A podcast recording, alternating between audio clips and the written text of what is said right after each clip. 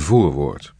Wij als ouders, verzorgers en volwassenen denken vaak onze eigen en andere kinderen goed te kennen en te weten hoe ze op bepaalde situaties zullen reageren. Soms is dat echter zo anders dan dat je verwacht had, omdat kinderen beschikken over een onnavolgbare nuchterheid en logica. Deze reacties kunnen regelmatig leiden tot zeer komische, leuke, grappige of juist ontroerende momenten. Zo hoorde ik ooit een zesjarig jongetje zeggen, mijn ene opa is doodgegaan, maar gelukkig is het niet mijn grapjesopa. Dat was toch wel veel zieliger geweest, want daar kun je altijd zo mee lachen.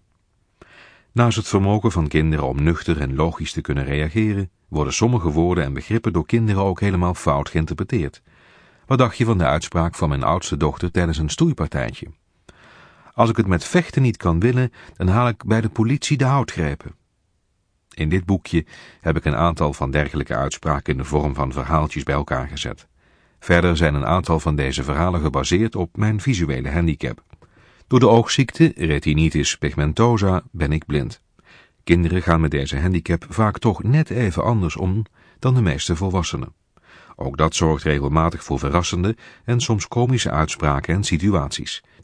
Deze uitspraken en momenten vond ik de moeite waard om te bewaren, om ze nog eens na te kunnen lezen. De verhalen zijn gebaseerd op gebeurtenissen en voorvallen in mijn eigen gezin en bij familie en vrienden.